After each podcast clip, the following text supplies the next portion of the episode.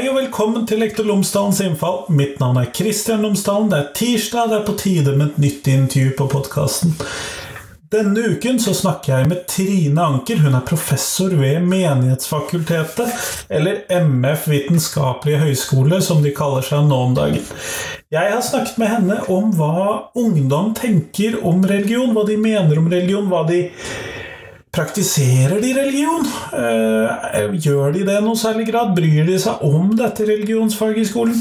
I tillegg så snakker jeg med henne om læreplanmålene i og utformingen av det nye religionsfaget slik det blir seende ut etter fagfornyelsen. Og det tror jeg er viktig for oss religionslærerne å få en forståelse for. Dette er jo da også interessant for resten av fagene, særlig f.eks. samfunnsfaget, tenker jeg. Sånn at jeg håper at du setter pris på dette intervjuet. Her kommer det i hvert fall. Vær så god!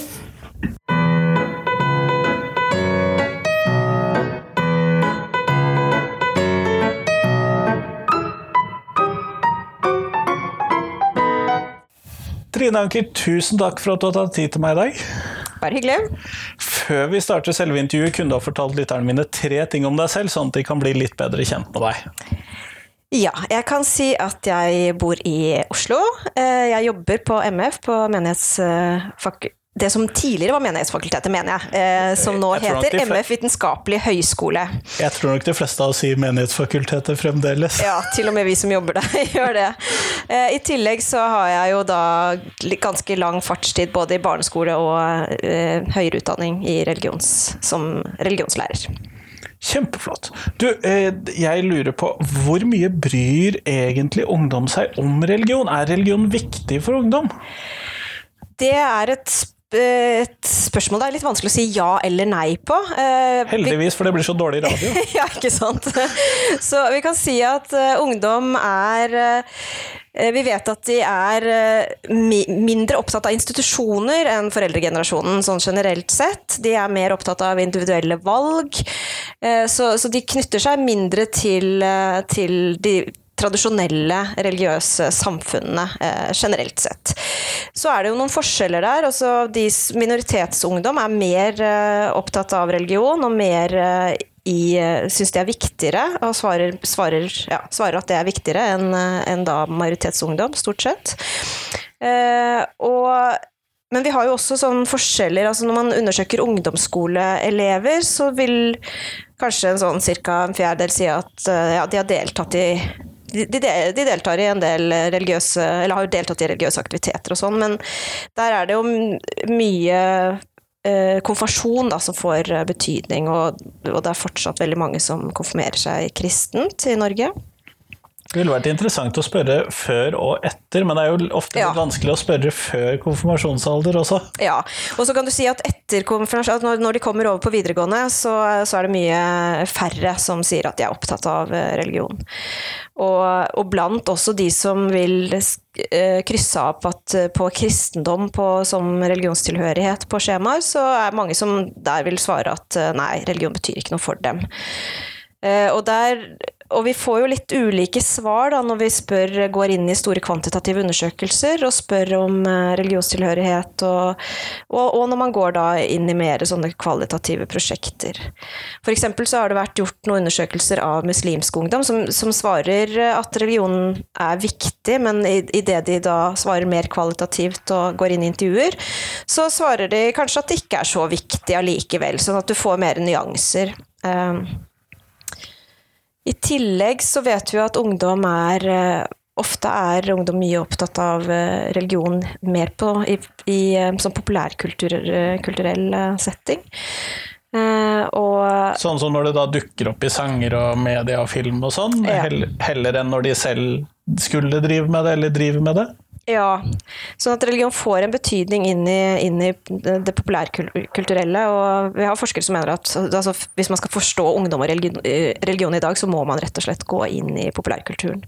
Fordi at den kommer mye til uttrykk der. Sånn at religion for ungdom kanskje er mer hva de ser på og hører på og spiller og sånn, mindre enn, eller mer enn hva de faktisk kanskje gjør på fritiden av Eller i yrkesvalg også, men mer enn hva de gjør, da. Ja. Det kan jeg svare ja på. Akkurat det kan jeg svare ja på. Eh, men igjen så er det ikke, det er jo ikke et så enkelt ja, da, for det er klart at for en del ungdom så er religion kjempeviktig. Eh, og, det, og, og kanskje også fordi at religion altså At det blir et ganske sekulært samfunn, så vil de som også opp opplever seg, eller oppfatter seg som religiøse og vil ha en religiøs identitet, de blir jo, eh, de blir jo en minoritetene fort i mange, mange klasser og i mange, mange, ungdomsgrupper, og må da eh, forhandle grensene sine kanskje tydeligere enn en tidligere. Ja, for hvis det er sånn at religion ikke er viktig for en del av ungdommene, og det ikke er noe som de fleste ungdommene driver med, så skiller man seg da ut på enten negativt eller positivt ved å gjøre det. Ja, og, og det har vært, eh, vært, en del eh, forskning på religion i klasserommet som også sier at det ikke er så lett å være religiøs i klassen. Og en del kristne som syns det er veldig utfordrende. Og ja, Lars Lerd eh, Iversen har jo snakket om kristne eller skapkristne, nettopp fordi at mange ikke velger å ikke fortelle det. Eh, så, så, det er, en, er, nok en ganske sånn sekulær diskurs som råder klasserommene generelt sett i Norge i dag. Det kan jeg se for meg. Det, det jeg syns er litt interessant, er at når jeg går inn i klasserommene mine over, over flere år, så er det en del som driver med type kristne aktiviteter i gåseøyne, hvis vi skal kunne gjøre det sånn. Og er kirketjenere i en eller annen forstand, og hjelper til i gudstjenester og sånn. Og så er det noen som eh, innbitte ateister. Mm. eh, og så er det veldig mange som ikke bryr seg. Ja. Overhodet. ja. Og der har vi også eh, Linda Woodhead har vært, eh, gjort en så stor eh, forskningsundersøkelse i, i, England om disse såkalt som hun kaller nons, da, altså de ikke-religiøse. Eh, og funnet ut at eh, der, der, er det også veldig mye altså Tidligere har vi sagt liksom, ok, det er de religiøse, så er det ikke-religiøse. Men når man går inn i hva er det ikke, de som definerer seg som ikke-religiøse, så er det jo ganske mye religiøs praksis, eh, til og med tro, altså, men, men det, er, det, er, veldig mye forskjellige praksiser som, som også foregår der. sånn at når man, når man, går og ser på litt nærmere på hva det er å ikke være religiøs, så har det også mange ulike aspekter, og mye som, som inni religionsforskningen gjerne vil kalles også religiøst. Så men det, eh, det, du sier også, er jo at disse grupper, eller det du nevner nå, med, er at de, av de gruppene som ikke vil kalle seg religiøse inn i et klasserom, da, så er det også veldig forskjell. Som du sier, noen harde ateister som henter frem alle nyateistenes argumenter i det, klassediskusjoner. Det blir færre av de, da. Ja, det er det kanskje. Men så har du mange som kanskje syns at religion er bare teit eller uh, uinteressant eller herregud, hvorfor kan noen tro på det? Der kan jeg nok kjenne igjen at uh, noen av elevgruppene, ja. ja. Uh, og i de diskusjonene så kan det være tøft å være religiøs i klasserommet. Og også fordi, i hvert fall når det betyr ganske mye personlig, fordi at man utsettes for en del da, med å ta det, ta det opp.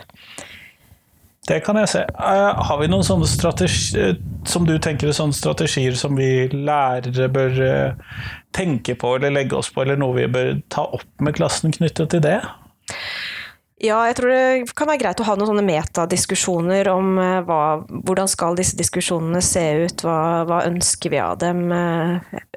Fordi jeg tror at veldig, i veldig mange sammenhenger så vil ikke elevene nødvendigvis se selv at de stopper eller, eller oppfatter sine egne utsagn mot religion og mot det, det religiøse som så Problematisk. problematiske. Nei, ikke sant? Så, så jeg tror at, at det, det, å få et bevisst forhold til, til det, at, at, man stopper, stopper opp diskusjonene og ja, fordi at noen da blir utrygge på situasjonen eller klasserommet, eller Ja. Ja ikke sant? Eh, vi har jo hatt eh, Robert Jackson som har eh, løftet veldig dette safe space-begrepet, som egentlig kommer fra liksom 70-tallsfeministisk tradisjon, men, men at, at, klasserommet skal være et safe space. Mens da eh, Marie von Lippe blant annet har jo gått litt imot det og trekker opp en del teorier som, som, sier at ja, men kan egentlig klasserommet være et safe space, og i hvilken forstand? Og, ja. som et mer sånn igjen Iversens begrep med uenighetsfellesskap som dukker opp overalt. men, men hva, hva, skal dette klasserommet være, og kan det egentlig være helt trygt, da? Så, fordi, men det ja. høres ut som det er et visst behov for å gjøre klasserommet, om ikke nødvendigvis så trygt som man kunne definere et safe space, men i hvert fall et en tryggere arena også for de troende elevene? Ja, absolutt. Og der uh, har det vært forsøkt lansert uh, begreper som sånn dignity safe space, altså at vi tar vare på hverandre som, som elever, som mennesker, som personer i dette klasserommet, men at, at intellektuelt sett kan være, kan være, utfordrende, og at det ikke sånn sett er, er et safe space på, på hva man diskuterer faglig. Mm. Jeg kan se at det kan være et skille, men det blir jo veldig fort personlig for folk. da. Det er akkurat det. Også, og, og for, for, noen så er religion veldig personlig, for andre er det overhodet ikke det. Og, og de, derfor kan jo det være vanskelig kanskje å forstå for noen at de eh, tråkker over en grense når de, når de diskuterer religion i, i klasserommet. Men du sa i stad at ungdommen bruker ofte religion mer som en Eller skal vi kalle det forbrukerreligion som en del av populærkultur, mer enn eh, hvordan de En praksis, da, som vi tradisjonelt har sett på det.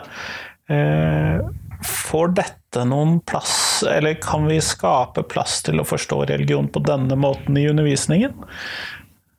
Eh, ja, det tenker jeg absolutt at vi kan gjøre. For det ene så kan vi trekke inn populærkultur eh, og populærkulturelle referanser. Det kan jo være et eh, banalt eksempel, kanskje, men altså mange vil jo har møtt uh, fortellingen om Jesus, kanskje fra Narnia-filmene, før, før, de møter Bibelen. Sånn at, altså, hvor skal vi starte? Vi kan jo godt starte i populærkulturen, og, og også uh, la den gå utover til mer tradisjonelle religioner. altså Sånn at man ser referanser og, og bruker, bruker, det i, uh, ja, bevisst inn i religionsundervisningen. Da. Nettopp, nettopp. Uh, samtidig så denne, det at ungdommen bruker at religion er så knyttet til media, så vet vi jo det at det ofte er hva skal vi kalle negative omtaler av f.eks. Uh, eh, muslimske grupper eller muslimer eller islam eller lignende i media. og sånn at elevene sitter jo veldig ofte med de inntrykkene. Uh, og det må jo håndteres på en eller annen måte i klasserommet. Har, har dere sett noe hvordan om det stemmer at ungdommene har et sånt negativt inntrykk. Det er vel kanskje det første jeg bør spørre om. Eh, ja, ja, både òg. Eller det er en del som har et negativt inntrykk av islam, absolutt. Og, og kommer, islam kommer veldig fort opp, og i en eh, kontekst med terror i klasserommene. Audun Toft skrev akkurat doktorgraden sin eh, om, om dette, og har sett hvordan, eller undersøkt ulike klasserom og sett hvordan elevene fort tar opp temaer som terror og, og islam, at lærerne også kanskje slipper det litt løs, fordi det er, det er, interessant. Det, elevene følger med, det er uh, ikke kjedelig. Så, så, det blir en slags sånn, ja, litt sånn underholdningsverdi, egentlig, med det. Og så er det i hvilken grad man greier da å gå inn og, få gjort noe med de eh, holdningene, eller tatt, tatt, tak i de holdningene. Og dette synes mange lærere er veldig utfordrende, hvordan de skal takle elever som uh, fordi det kan komme mye fordomsfullt inn i slike diskusjoner. Og det kan selvfølgelig sårt for muslimer som sitter i klasserommet, men uavhengig av det, så, så, er det jo ting man har lyst til å hva skal jeg si, gjort noe med. Da. Behandlet faglig. Behandlet, ja, behandlet faglig. Og der, eh, så, så, jeg tenker at disse som blir litt sånn kontroversielle temaer, eh, trenger vi nok å jobbe mer med både i lærerutdanningen og, og i skolene. Men hvordan tenker du f.eks. dette med da, terror? Eh, bør vi behandle det som et kontroversielt tema? Ja, Det er også et interessant spørsmål. For er det et kontroversielt tema? Terror er jo ikke i utgangspunktet det, for terror er ikke noe særlig Tror jeg de fleste av oss vil være enig i at Vi er imot! er vi imot, og det vil vi bekjempe. Så, så det i seg selv er ikke, er ikke, et, er ikke kontroversielt, men bak, bakenfor terroren, da, altså hvilke argumenter som brukes, så er det jo veldig mye ulike oppfatninger blant elever, om det er uh, terror i islams navn eller uh, Behring Breivik og 22. juli, så er det Så er det ja uh, vanskeligere å Eller det er, er, flere ulike ting som ligger inni, i disse vanskelige temaer å angripe også, da. Det, tenker jeg. Eh, de første årene etter 22. juli så var jeg nok litt bekymret for Hadde jeg full oversikt over elevmassen, og var noen der slektninger osv., men eh, eh, terror som er blitt begått av muslimer, type ting, så er jo det litt vanskeligere også. Vite, og du kan plutselig oppdage at noen er veldig redd for det, mens andre, mm. mens andre klasser ikke bryr seg om det tenker jeg kan være en utfordring. Mm. Sånn som jeg ser klasserommet mitt. da. Ja, At de blir redde? Altså... At de har vært redde pga. den ja. medieomtalen og det som sies hjemme, ja. og sånne type ting. da. Ja. Mer enn at de faktisk har opplevd noe. ja, ja, nettopp. Og det har jo eh, denne, dette angrepet mot Bærumsmoskeen også gjorde nok at mange unge eh, følte seg litt utsatt i eh, ja, Kanskje spesielt i Oslo-regionen, da, men eh, men, og jeg tror at, og det vi, så vi også i, i, forhold til 22. juli, at eh, elever var jo Altså lærerne var eh, ville kanskje ikke snakke så mye om det fra starten av, nettopp fordi at man er redd for å trigge en del følelser. Men at eh, opplevelsene til elevene ofte var at de, de fikk med seg mye allikevel. Da. Så selv undersøkelser nede i sånn eh, seks-sjuårsalderen, så var barn eh, hadde fått det med seg, og de var, de var redde. Så jeg tror nok Jeg tror ikke skolen egentlig har noe særlig valg, jeg. altså, vi, må, vi, må faktisk, vi må faktisk ta tak i disse tingene. Og jeg leste en undersøkelse om at veldig mange av moskeene i, eh, i Norge har eh, opplevd angrep, altså på, på, ulikt sett, da. Det, ubehagelige, ubehagelige hendelser. er kanskje rettere å si, ja, ikke, ikke angrep i den forstand, men, men, eh, Så det er jo noe som skjer. Ja. ja. og det er jo litt spørsmål hvor man skal sette angrep. Den i Bærum var jo ganske konkret klart et angrep, men type henge grisehoder på, eller den typen ting, om det skal, hva det skal kalles, er ja. jo kanskje litt mer flytende. Ja. Um, og da finner man nok fort at mange av dem nok har det, kan jeg tenke meg. Mm. Eh, men når man da ser på ungdommen som kanskje ikke er så interessert i religion, og noen av dem er, har det veldig personlige forhold til religion, og mange bruker, eller forbruker religion primært sett som en del av eh, en mediekultur, eller populærkultur, eller hva man nå skal kalle det. Mm. Eh, hva tenker du om de nye læreplanene treffer de, det bildet som jeg nå tegnet opp sånn. jeg håper jo virkelig det. Jeg har jo da vært med å skrive disse læreplanene, så jeg sitter jo nå i disse dager med litt sånn uh, hjelp. nå, kommer, nå, kommer, reaksjonene. Altså nå er vi jo ikke uventet, de er nok ikke så uventet de reaksjonene vi kommer eventuelt får nå, fordi vi har jo vært igjennom et par høringsrunder, og vi vet, så vi vet jo kanskje litt om hva som kommer. Og vet hva folk kommer til å reagere på. Ja, og vi har jo også tilpasset en del etter høring, siste høringsrunden. Sånn at, uh, men, vi, men, det er jo med punkter som populærkultur kultur i kjerneelementet så står det jo også om dette at religion skal behandles både på tradisjon, eh, gruppe- og individnivå, selv om det er litt mer ute av selve kompetansemålene i læreplanen nå. Men Eh, vi har jo også med punkt som religion utenfor etablerte samfunn, så det er absolutt mulig å ta dette inn. Pluss at de nye læreplanene er jo veldig mye mer åpne, mye færre kompetansemål, og derved også mye mer eh, lagt opp til at lærer kan velge sammen, tenker jeg, med personalet. Da. Altså, dette blir ikke enkelt valg, men at man er nødt til å jobbe med læreplanen på en annen måte inn i et uh, lærerkollegie. Ja, det er jo litt synd for de som har små kollegium, men særlig på Jeg jobber på en skole med åtte religionslærere, tror jeg vi er. Ja, så dere kan få det gøy. um, ja, hva tenker du om eh, Eller skal ikke jeg stille spørsmål tilbake? Å jo, det er lov. Ja, det er lov, ja, så fint. Dette er et relativt uformelt ja, forum. Ja, eh, så har du eh, jeg er jo veldig glad for at sånn som populærkultur har kommet med. Mm. Ehm, jeg syns det virker veldig spennende. Eh, samtidig som jeg syns jo det var litt synd at eh, alle religionene ble spesifisert igjen. Ja. Og det har jo vært en forhandling med hva skal jeg si, høringsuttalelser, egentlig. Og, og det har vært veldig tydelig. Sånn at jeg syns det har vært gjennomført på en god måte når man først måtte få det inn. Så det må dere jo få skryt for. Ja, takk. Det er ikke mye skryt vi har fått, så. Eller får, så det er jo hyggelig. Vi, vi tar vare på det vi kan få.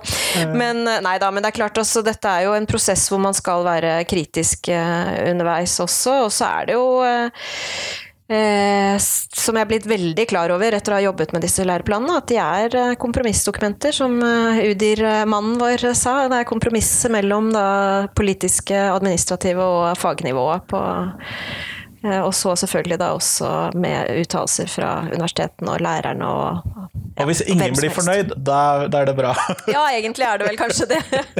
det vel Eh, Men jeg syns jo det er interessant at man istedenfor å skrote verdensreligionsmodellen, har valgt å ta inn enda flere spesifiserte religioner. Ja, det kan du si. Og det, det har jo eh, ja, vært eh, ja, hva skal jeg si Hva skal jeg si om det? Jeg har jo s- Men jeg syns jo det var logisk at eh, sikhismen kom inn i læreplanen, for eksempel. Ja. Så sikhismen er kommet i tillegg, og så la vi på nyreligiøsitet for å, for å passe på at det ikke bare blir de, blir de ja, Store store, definerte verdensreligionene også, ja. Men eh, det er klart, jeg start, altså jeg har skrevet en artikkel like før jeg begynte med læreplanarbeidet, som, er, som het 'Er det på tide å si farvel til verdensreligionene?' Så, men eh, men det, jeg, jeg tror ikke hva skal jeg si, Skole-Norge er helt klar for å si farvel til verdensreligionene ennå. Jeg har hørt at uh, disse høringsuttalelsene tilsa at det er ikke skolen. Nå sa du at det ikke er skolen, men At, eh, nei, at skolen ikke er ja, at klar for det. ikke er klar for det. Nei. nei. Mm. Så det kan jeg se for meg. Men når man da trekker inn nyreligiøsiteten her, og da tenker jeg veldig ofte sånn 1970-tallet og damer i flagrende gevanter og mm, eh, Wicca og den type ting, tenker jeg veldig ofte inn her. Men er det den type nyreligiøsitet dere har tenkt på at skal fylle dette rommet, eller er det Nei, vi har nok tenkt litt, litt bredere, og at, at det er litt også kan defineres litt for, fra lærer- og utdanningens side. Ja, nettopp at det blir mer lokalt styrt. Ja. Men Trine, når vi ser på denne nye læreplanen, så er det særlig ett av læreplanmålene, og da etter tiende trinn, det er jo det jeg stort sett forholder meg til hvis jeg skal se på læreplanmålene, mm. et av læreplanmålene som har blitt veldig stort. Utforske og presentere sentrale trekk ved kristendom og andre religions- og livssynstradisjoner og deres utbredelse i dag. Jeg får litt følelsen at man bare har klumpa sammen veldig mange læreplanmål fra tidligere, og så må vi hente fram den gamle læreplanen og finne ut hva som egentlig står her. Ja, det er selvfølgelig en fare med at disse målene er veldig mye mer åpne. Og jeg må jo si at jeg er også litt sånn Ja, har vi slanket denne planen så mye da, egentlig? Eh, Eller er det bare det at vi har samlet veldig mye? Men det du kan si, er at du, du, får, du får mer valg i denne planen uansett. For du, du kan velge, selv om det her er utforske og presentere sentrale trekk ved kristendom og andre religions- og livssynstradisjoner, så står det ikke hvor mange, det er ikke nevnt. sånn at man har uansett noe mer valg eh, i hva man vil legge vekt på, tenker jeg. Men, eh, men det er klart det er et stort punkt, jeg er enig i det. Også, eh, kan men jeg kan jo tenke meg at man da kanskje vil fokusere litt forskjellig eh, At veldig forskjell, forskjellige lærere vil fokusere på forskjellige ting inn i dette, og hva vil regnes som sentrale trekk. Så har dere gjort dere noen tanker om hva disse sentrale trekkene skal være? Ja, altså vi, vi tenker at det blir, eh, det blir ulik praksis. Det har det alltid vært, for så vidt. Selv om læreplanen har vært veldig, veldig mye mer spesifisert tidligere. Eh, Det var det til og med med Hernes, som ønsket å, å få til lik undervisning i det ganske land. Men, men det er klart, er, nå er det enda større rom for lærere til å gjøre forskjellig. Så jeg tror også at, at i, um, i evaluering, altså når man har inn eksterne sensorer der man skal ha det, så kreves det nok også eh, tydeligere sensorveiledning, f.eks. Bedre fagrapporter og ja, bedre Ja, rett og slett. At man eh, Dette har vi jobbet med. Eh, eh, litt av tanken er jo at eh, For, fordi at dette er så stort fag. Vi snakker om eh, type over 4000 år og hele verden, og, og det, er, det er veldig mye, og det er få, få timer. Så er jo tanken litt at man kan fordype seg i noe som gjør at man kanskje får en grundigere forståelse i eh, noen religiøse tradisjoner, og, eh, og her Og f.eks. i dette punktet som du nevner, da, med å utforske og presentere, at man også kan sammenligne noen, eh, noen, eh, noen sentrale trekk. Men vi har ikke med vilje ikke definert hva de sentrale trekkene er. For man kunne jo se for seg at sentralt trekk var menneskesyn, og så kunne seremonier og hellige tekster. For eksempel, ja. Er Kanskje litt smalt og snevert å bare se på de, men eh, og så dypdykke i alle disse religionene som er nevnt litt lenger opp i læreplanen, og så se på hva de sier om disse tre tingene. Så Det- kunne man jo si at dette var oppfylt. Ja, det kunne man. Og da få dybdelæring om seremonier og hvordan dette påvirker folk i hverdagen, Ja. f.eks. Ja. Er det som jeg tenker meg sånn umiddelbart, da. ja, jeg tenker absolutt at det, det kan være en måte å gjøre det på. Mm. Så jeg syns jo at det er interessant, jeg er veldig glad for at det er færre læreplanmål, men eh, jeg får litt den der følelsen som jeg beskrev, den der klumpingen sammen når man ser det første, eh, og så får man alle de gøye læreplanmålene lenger ned, sånn med populærkultur og så videre. Ja. ja da, og, det, og det, dette har jo eh, Og det er jo også selvfølgelig litt fordi at vi tenker at ja, vi det er ikke et enten-eller. eh, Det har vært mye diskusjon om hva er egentlig dette dybdelæringsbegrepet. Altså kan man ha dybde uten bredde? Og, et, og det er jo Tanken er vel at altså man trenger noe bredde, da, og så kan man dypdykke litt mer ned i spesifikke temaer.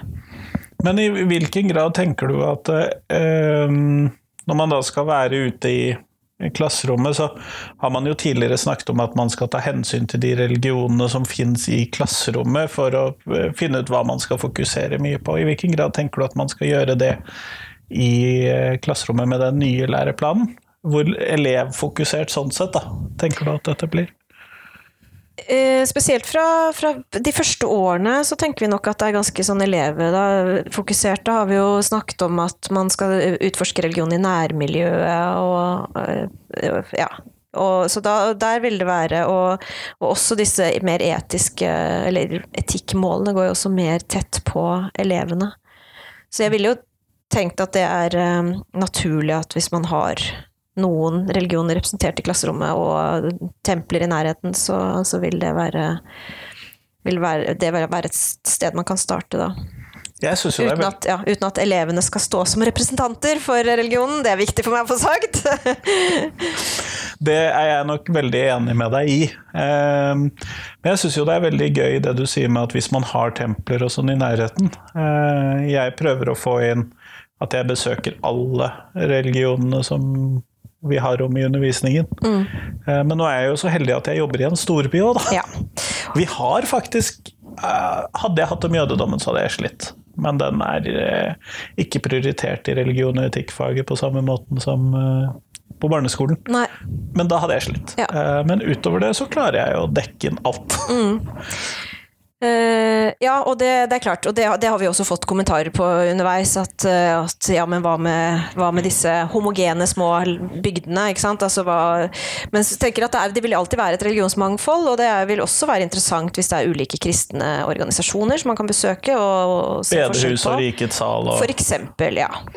Uh, og så, mm, og så, ja, så føyde vel vi på et punkt med regionalt for å åpne det litt mer, sånn at man ikke må være inne i, inne i eh, lokalsamfunnet. he- Helt inn i lokalsamfunnet.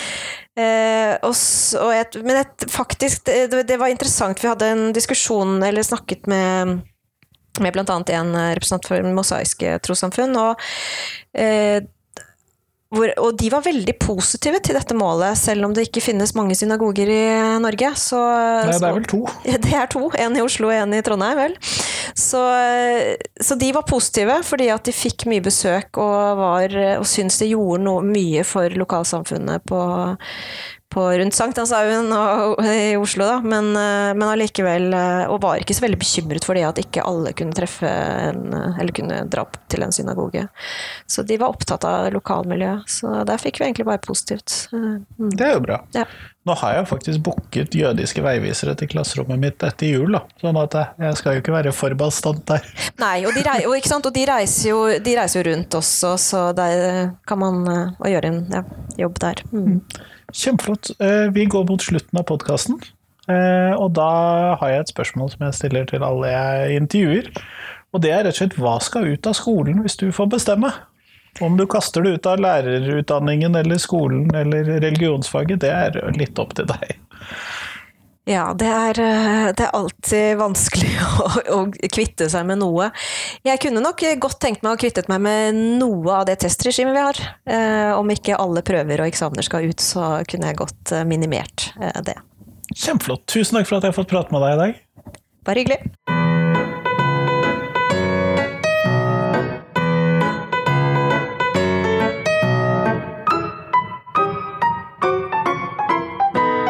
Tusen takk til Trine, og tusen takk til deg som hørte på. Nå er det én uke igjen til neste podkastepisode, og da er det tid for nok en professor fra Menighetsfakultetet. Da kommer Stula Stålseth, sønnen til Gunnar Stålseth, som du sikkert har hørt om i det siste. Stula kommer hit for å snakke om det livssynsåpne samfunnet og hva det er, så det blir spennende. Det, dette munnet bl.a. ut for en del år tilbake i en NOU, eller Norsk offentlig utredning, så det snakker vi mer om neste uke. Men i hvert fall, fram til da så får du ha en fin uke. Hei, hei!